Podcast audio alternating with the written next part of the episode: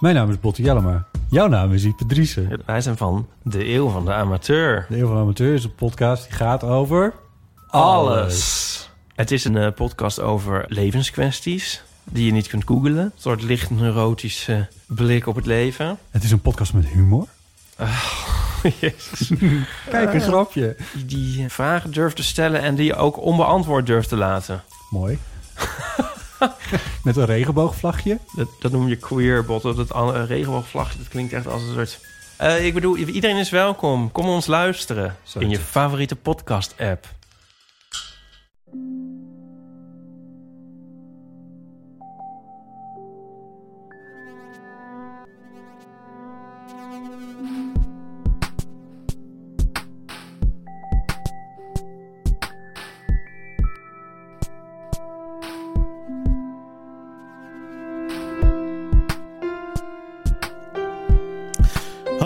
Ben Pieter van Relaas.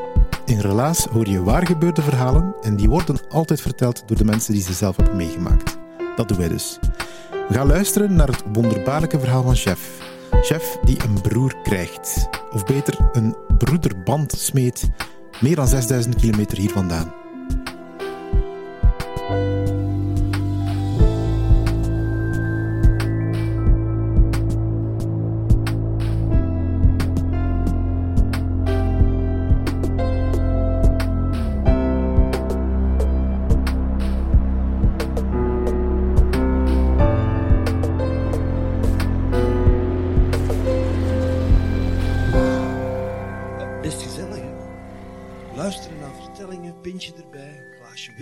Best, best, best gezellig. Nu, ik heb ook best een gezellige familie. Twee heel toffe kinderen, een fantastische madame waar ik heel lang mee samen ben, twee zussen en een broer. Maar die broer, die is mijn broer niet. Dat is mijn allerbeste jeugdvriend van jaren geleden. En het ogenblik dat ik broer van hem werd, officieel, formeel, dat was op de trouw van zijn jongste zoon. Als de jongste het nest verlaat, de laatste het nest verlaat, krijg je in families toch wel wat bijzondere dingen. Hè? Ja. En, wat je ook moet weten, mijn goede vriend Nick is 25 of 30 jaar geleden getrouwd met een Congolese madame. En hij heeft haar vier Congolese kinderen toen geadopteerd. En zijn zoon, zijn jongste die trouwde, is ook getrouwd met een Congolese madame. En dan krijg je die uitnodiging in je brievenbus. Voor de misviering, het gemeentehuis, een chique diner, een fantastisch avondfeest. Maar de belangrijkste ceremonie is le mariage coutume.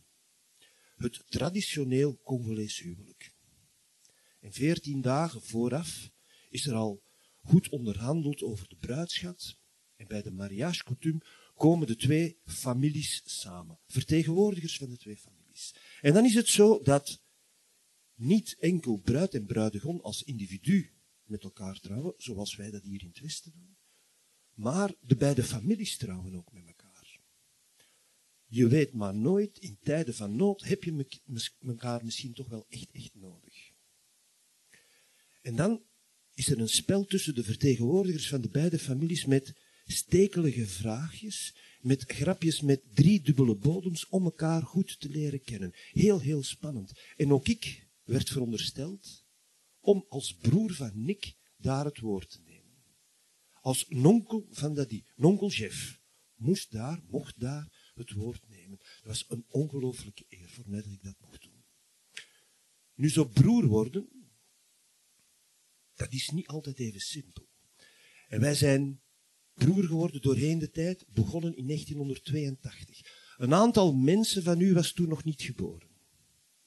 Een aantal mensen wel, en die mensen moeten even nadenken, met welke fiets reed ik toen, welk werk deed ik toen, eh, met welke auto reed ik toen, mochten we toen nog over de meer met onze auto. Dus dat is een hele tijd geleden. We waren vooraan in de twintig, afgestudeerd, we hadden juist wat werk. En hij, Nick, mijn beste kameraad, vertrekt voor vier jaar naar Congo. Ontwikkelingssamenwerking gaan doen. En ik vind dat van de ene kant geweldig tof. En van de andere kant ben ik triestig. Tegen wie moet ik nu mijn verloren gelopen liefdesverhalen vertellen? Tegen wie moet ik nu gaan zagen over mijn baas, want mijn maat is weg. Ik zeg hem, beste maat, de eerstvolgende zomervakantie kom ik u bezoeken. Dat staat als een paal boven water. Ik koop mij een ticket, Brussel, Kinshasa, Kinshasa, Bujimai. 800 kilometer binnenland van de Congo in. Twee dagen voordat ik vertrek, krijg ik van hem nog een brief. Ik denk, joepie, de laatste instructies, valt dat tegen. Je komt beter niet af, want dat is hier een diamantstreek en daar heb je een speciale toelating voor nodig. En die toelating, die heb je niet, dus misschien volgend jaar. Ja, dat valt geweldig tegen, hè? mijn wereld stort in. Ik had met mijn grootbakkers dat tegen vrienden en kennissen aan het vertellen geweest. Ik was op de zwarte markt geld gaan wisselen. Ik had mijn rugzak van 15 kilo ingeladen. En dat ging allemaal ineens niet meer door.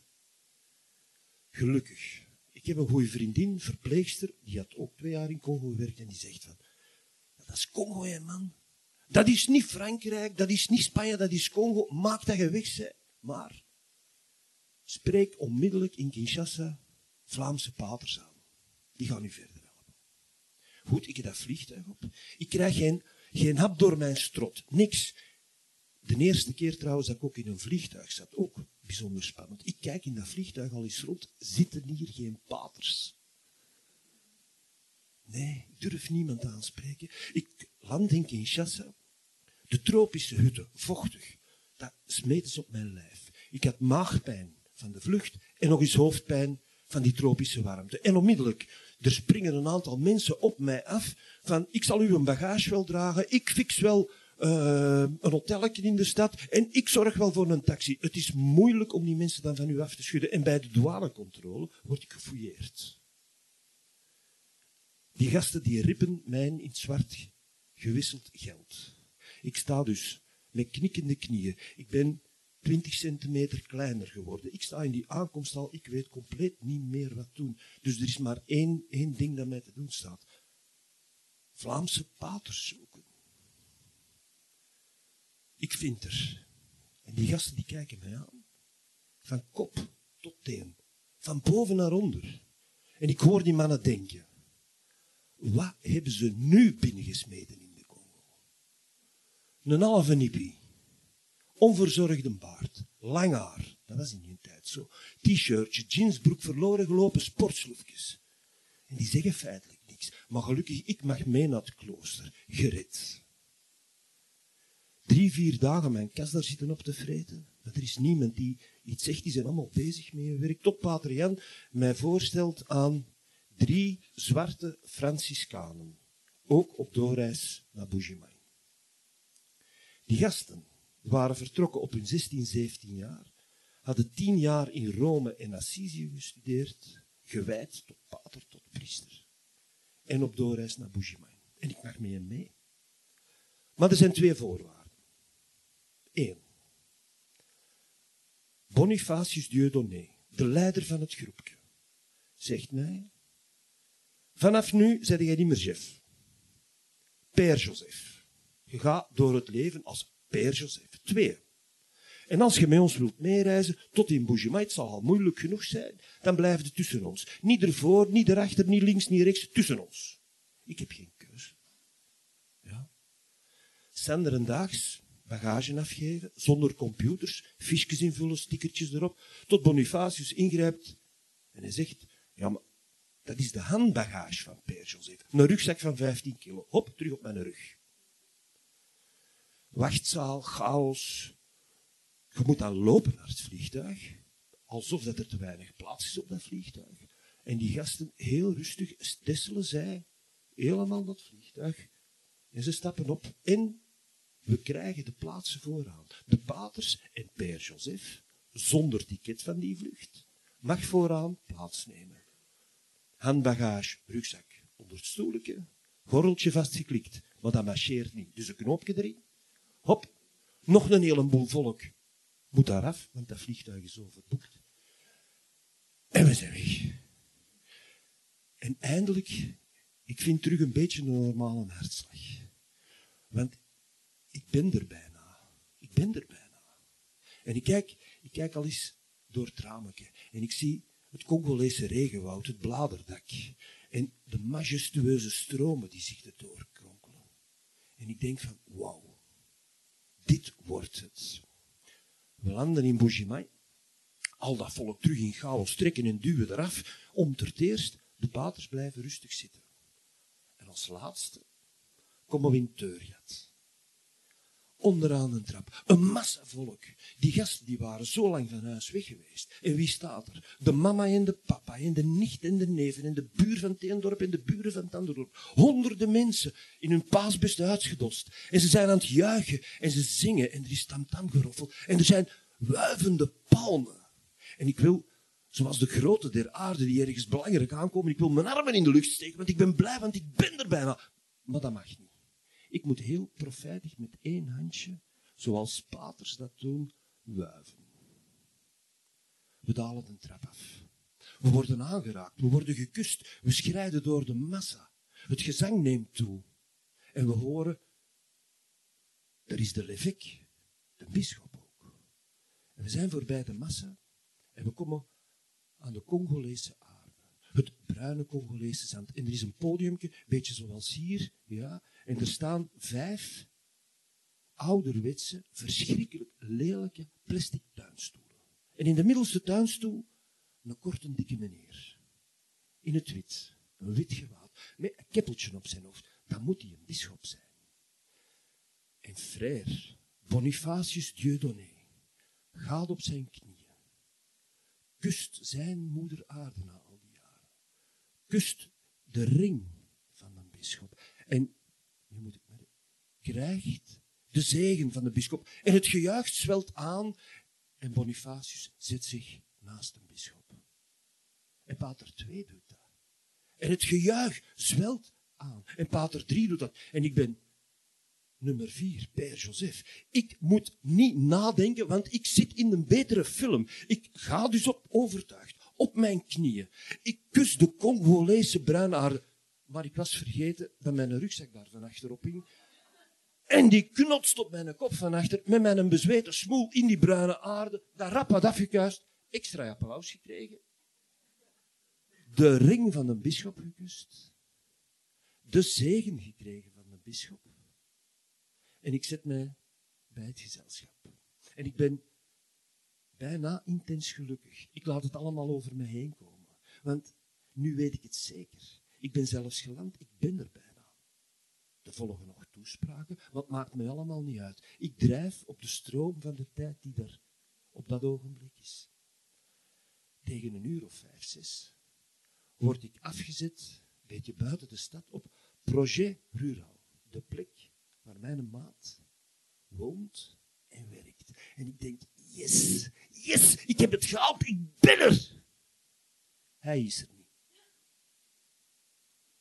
Hij zit voor veertien dagen voor zijn werk in de broes waterputten en bronnen proper te maken. Kunt u voorstellen, ik word daar een beetje depressief van. Al die moeite en die is er niet. Gelukkig word ik door zijn Congolese collega's op sleeptouw genomen. Krijg een bedje, krijg wat eten en sanderendaags verplicht op audiëntie terug bij de bisschop beetje peer voor het project. En in Congo doet je nooit iets alleen. 15, 16 man mee op audiëntie bij de bisschop. Toespraken, wachten. En op een bepaald moment stuurt monseigneur Congolo iedereen weg. Behalve mij. Ik heb een privégesprek met monseigneur Congo.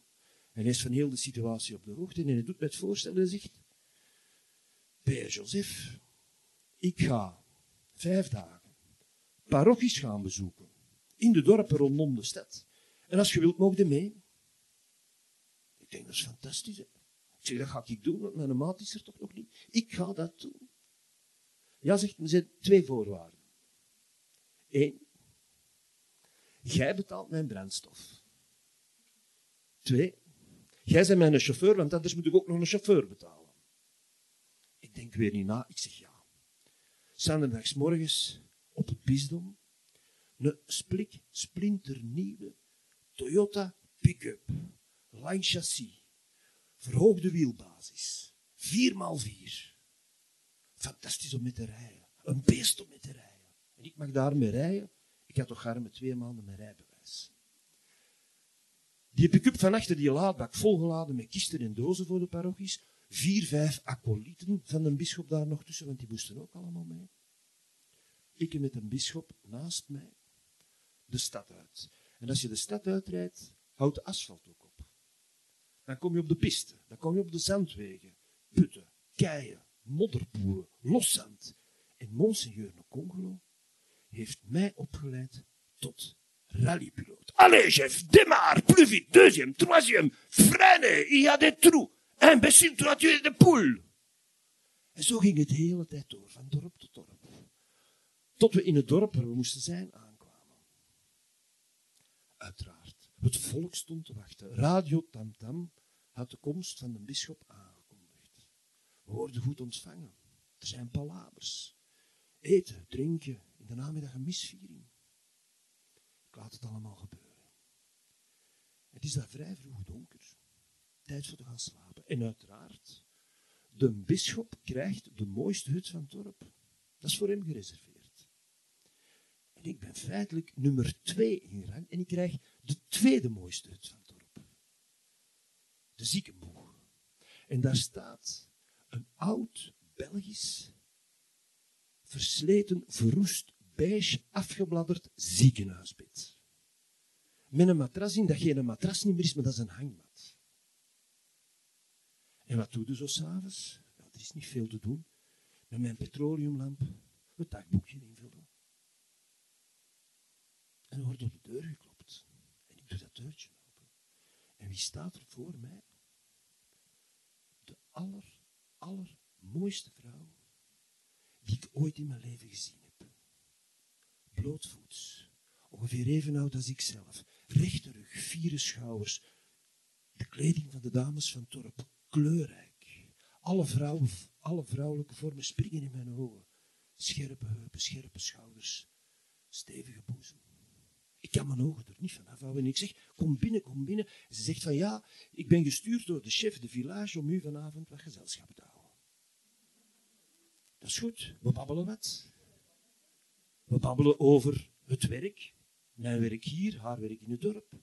Over de familie. Mijn familie hier, haar familie in het dorp. Na verloop van tijd kijkt ze mij aan. Recht in mijn ogen. En ik kan mijn ogen ook niet van haar afhouden.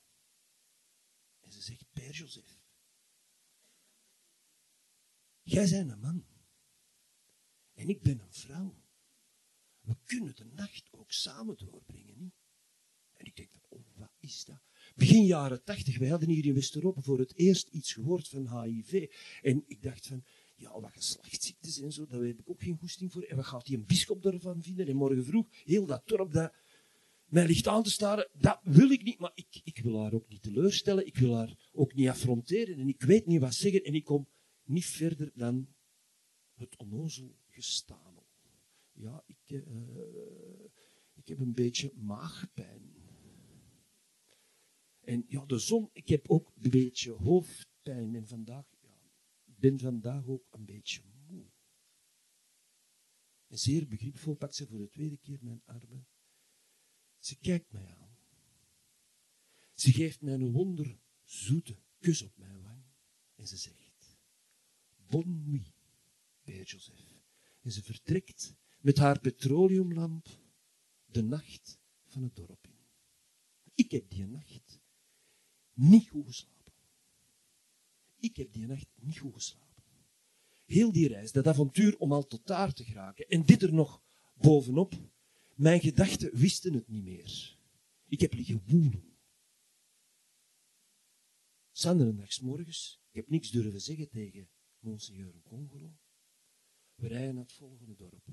En de dag nadien, en de dag nadien, en de dag nadien. En ik laat mij meedrijven op het ritme van de Congolese dorpen. En na vijf dagen word ik terug afgezet bij Projet Rural. Zonder veel verwachting, want mijn goede vriend Nick zou er nog niet zijn. En wie staat daar? Hij staat daar. Hij is speciaal voor mij sneller teruggekomen uit de dorpen. Hij is sneller teruggekomen naar Bujimai. En ik pak hem vast. En hij stinkt naar het zweet. En hij stikt naar de sigaretten. Ik ook wat echt. En we babbelen. Want ik ben er geraakt. We zijn bij elkaar geraakt. Dat is toch fantastisch. En de dagen nadien, de weken nadien, hebben we een hele fijne tijd samen. Ik ga met hem, hem zo gezegd wat helpen in de dorpen. Ik liep misschien soms zelfs wat in de weg, dat weet ik niet. Ja. S'avonds, met zijn Congolese collega's, speelden we gezelschapsspelletjes. De blanke tegen de witte, nee, tegen de zwarte. Wij verloren dus ook altijd. In de laatste avond, we zitten bij een meer, beseffen we dat er iets bijzonders aan de hand is.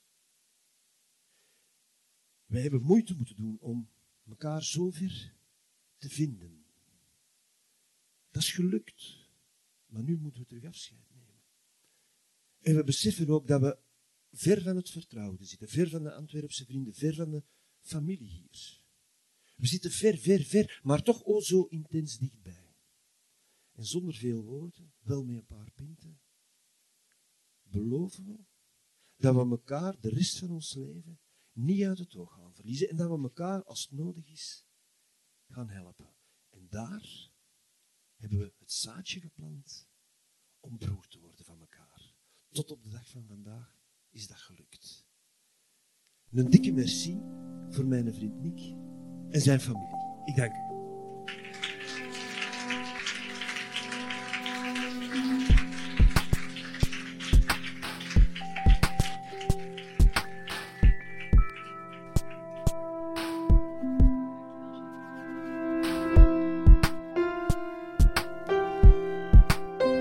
Dat was het relaas van chef. Hij vertelde het in een hopzak in Antwerpen. Het was in mei 2019. En op onze Facebookpagina heb ik onlangs een foto teruggevonden van de tekeningen die toen gemaakt zijn, die avond in de hopzak. Al onze tekeningen worden, al onze verhalen worden uitgetekend door uh, collectief Pulp Deluxe of door studenten van Sint-Lucas of uh, Kask. Moet maar eens gaan kijken op onze Facebook. Het zijn hele mooie zwart-wit tekeningen van die avond. Hebben ze ook bij het verhaal gezet op onze website, relaas.be. En daar ook staat Jeff, tussen de paters met op de achtergrond een jeep en een vliegtuig en in mooie letters daarbij geschreven Père Joseph. Hij ziet er heel exotisch en gelukkig uit, die chef. Ook een uh, stukje jonger dan dat hij vandaag is, maar dat is niet erg. Hij is op weg naar La Mariage Coutume, zoals hij het zelf zo mooi vertelt, in Congo. Ga maar eens kijken op onze website www.relaas.be. Wij danken met Relaas ons bestaan aan de Vlaamse gemeenschap, aan de stad Gent en aan wij danken met Relaas ons bestaan aan de Vlaamse gemeenschap, aan de stad Gent en aan onze vrienden van Relaas. Dat zijn jullie, onze crowdfunders, die elke maand bijvoorbeeld de waarde van een koffie aan ons geven, maar ook de verhalen beluisteren en doorsturen naar elkaar. En we bestaan dankzij onze vrijwilligers. Ik kies er elke week eentje uit. Rick bijvoorbeeld. Rick is een van onze coaches. Hij helpt verhalen mee vormgeven. Uh, onlangs haalde Rick bij een kampvuur, toen ik hem uh, nog eens zag, een A4 papiertje uit zijn zak met daarop een van de meest ingewikkelde schema's die ik ooit heb gezien. Ik zei toen, ik weet nog, Rick, um, wat ben je aan het doen? Volg jij een uh, cursus geavanceerde wiskunde of zoiets? Maar nee, het bleek de verhaalstructuur te zijn van het laatste verhaal dat hij had gecoacht. Zo fanatiek is die Rick. Dankjewel. Hou onze website in de gaten om te weten wanneer we jou de volgende keer verwachten op Relaas. Dat kan in Gent of in Antwerpen, dat weet je. Op onze website vind je wanneer de volgende vertelavonden zijn. En volgende week krijg je hier op de podcast ook gewoon een nieuw relaas. Vermoedelijk van iets dichterbij dan Congo.